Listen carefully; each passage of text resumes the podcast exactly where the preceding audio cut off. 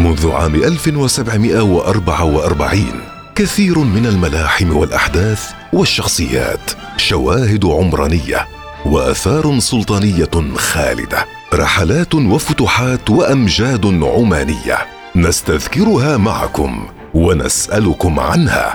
في المسابقة اليومية الدولة البوسعيدية للمشاركة والحصول على فرصة للربح. أرسل رسالة نصية قصيرة بكلمة الوصال على تسعين أربعة ستة ستة.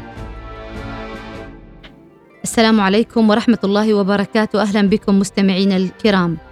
ما هو اللقب الذي اقتصر على أفراد الأسرة البوسعيدية الحاكمة وأول من تلقب به حمد بن سعيد البوسعيدي؟ عرف حكام الدولة البوسعيدية بأكثر من لقب حيث ظهر لقب الإمام والسيد والسلطان. فأول حكامهم أحمد بن سعيد عرف بلقب الإمام وهو ما توضحه مراسلاته حيث يبدأها بإمام المسلمين أحمد بن سعيد بن أحمد البوسعيدي. يصف العلامة نور الدين السالمي البوسعيديين بأنهم ملوك العصر والله يؤتي الملك من يشاء. كما يصف الإمام أحمد بن سعيد بأبو ملوك العصر. اقتصر لقب السيد على أفراد الأسرة البوسعيدية الحاكمة وحمل جميع السلاطين الذين ينحدرون جميعا من السيد سعيد بن سلطان بدءا من السيد تركي ومن جاء بعده اسم عائلة آل سعيد. وبالعودة إلى تسلسل حكام أسرة البوسعيد نقول بأن الإمام أحمد بن سعيد هو اول حاكم من هذه الأسرة يتلقب بلقب الإمام.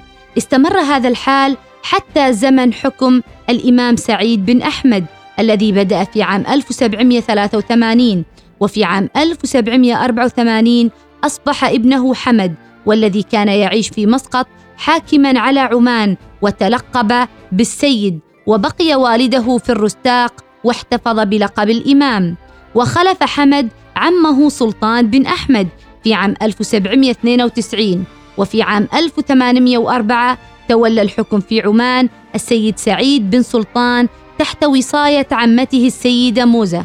وتوفي الإمام سعيد بن أحمد في عام 1811 وبقي اللقب غائبا إلى أن انتخب السيد عزان بن قيس إماما في العام 1868 ومما يذكر في هذا الشأن أن السيد سعيد بن سلطان تلقب بالكثير من الألقاب ومن ضمنها لقب الإمام. وفي ذلك تقول ابنته السيدة سالمة أبي السيد سعيد إمام مسقط وسلطان زنجبار. لقب الإمام هو لقب ديني من النادر جدا أن يمنح لحاكم ويعود الفضل فيه إلى جد الأكبر أحمد في الأصل. ومنذ ذلك الحين أصبح هذا اللقب يورث لعائلتنا بأجمعها فلكل واحد منا الحق في أن يرفقه باسمه. ويوجد على شاهد قبر السيد سعيد بن سلطان في زنجبار عبارة هنا يرقد صاحب السمو السيد سعيد بن سلطان إمام عمان وسلطان مسقط وزنجبار. وعموما ورد في المراسلات والمعاهدات والتقارير الدبلوماسية ألقاب السلطان والسيد والإمام في وصف السيد سعيد بن سلطان. وبالرجوع قليلا تاريخيا فعمان عرفت مجموعة من الألقاب للحاكم الذي يتولى إدارة شؤون البلاد وأول لقب أشارت إليه المصادر التاريخية لقب الملك والذي تمثل في حكم مالك بن فهم الأزدي. ثم ملوك معوله بن شمس ويقول السالمي نقلا عن العوتبي فمن ولد معول بن شمس كانت ملوك عمان وإليهم صار الملك في عمان من بعد مالك بن فهم وولده. فأول ملوك هذه الأسرة عبد العز بن معولة بن شمس ثم الجرار بن عبد العز ثم مسعود بن الجرار ثم المستكبر بن مسعود ثم الجلندة بن المستكبر ثم جيفر وعبد ابناء الجلندة وهو ما أشارت إليه رسالة الرسول صلى الله عليه وسلم التي وجهها لملكي عمان جيفر وعبد ابني الجلندة كاشفة عن ملك على رأس السلطة السياسية في عمان له مكانته وسلطته. لذلك خصه الرسول صلى الله عليه وسلم برسالة. وبعد دخول العمانيين في الإسلام طوعا استمر ملكا عمان في منصبهما كحاكمين لعمان في صدر الإسلام. كما يظهر لقب الوالي أو العامل من خلال تعيين عدد من الولاة أو العمال على عمان في عهد الخلفاء الراشدين مع وجود الملك على رأس السلطة. وفي عهد الدولة الأموية كان هنالك في عمان واليا أو عاملا يمثل سلطة الخليفة الأموي في دمشق. كما تم تعيين عدد من الولاة أو العمال في عهد الدولة العباسية.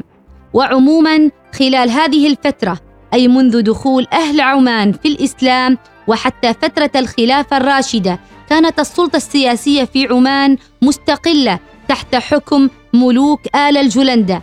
أما الفترة التي كانت فيها عمان خاضعة للسلطة المباشرة في عهد الدولة الأموية والدولة العباسية فتم تعيين واليا أو عاملا عليها يتبع للخليفة الأموي أو العباسي. وفي سنة 132 للهجرة ظهر لقب الإمام بعد مبايعة الجلندة بن مسعود بالإمامة. والإمامة هو شكل الحكم الذي ساد في عمان لقرون طويلة. كما ظهر لقبا سلطان وملك عند تولي أسرة النباهنة حكم عمان لقرابة خمسة قرون وتلقب حكامها بلقب سلاطين وملوك. أما في العصر الحديث وبتولي اليعارب حكم عمان فقد تلقب حكامهم بلقب إمام. نلقاكم في الحلقة القادمة. المسابقة اليومية الدولة البوسعيدية. مسابقة الدولة البوسعيدية مع الدكتورة أحلام الجهورية. للمشاركة والحصول على فرصة للربح أرسل رسالة نصية قصيرة بكلمة الوصال على تسعين أربعة ستة ستة.